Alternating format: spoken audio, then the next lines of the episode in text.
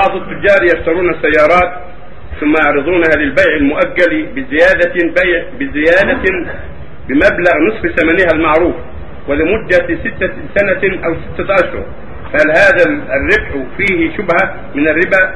لأنه اشترى هذه السيارة وهو ينوي بيعها بربح. فهل هذا جائز؟ هذا سمعنا به. سأل سائلون كثيرون.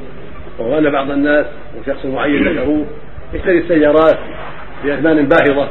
إلى أجل معلوم ثم هو يتصرف فيها بعد ذلك بطرقه الخاصة. لا نعلم فيه بأسا إذا كان رشيدا ليس بسفيه ولا ولا مجنون بل عاقل رشيد فهو يشتري إلى أجل في أثمان رفيعة ويتصرف فيها بعد ذلك يبيعها بأراضي ويبيعها بأشياء يتصرف. لا حرج في ذلك. وقد وقد تشترى السلعة بثمن باهظ إذا كانت لأجل وقد اشترى النبي صلى الله عليه وسلم البعير البعيرين ذلك الصدقة. فالحاصل أن الشراء يختلف.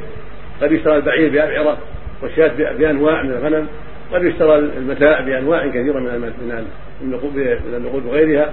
فالحاصل أنه إذا اشترى السيارة التي تساوي عشرة آلاف اشتراها بعشرين ألف أو بثلاثين ألف إلى أجل أو إلى آجال فلا حرج. إذا كان عاقلا رشيدا لا لا حرج في ذلك.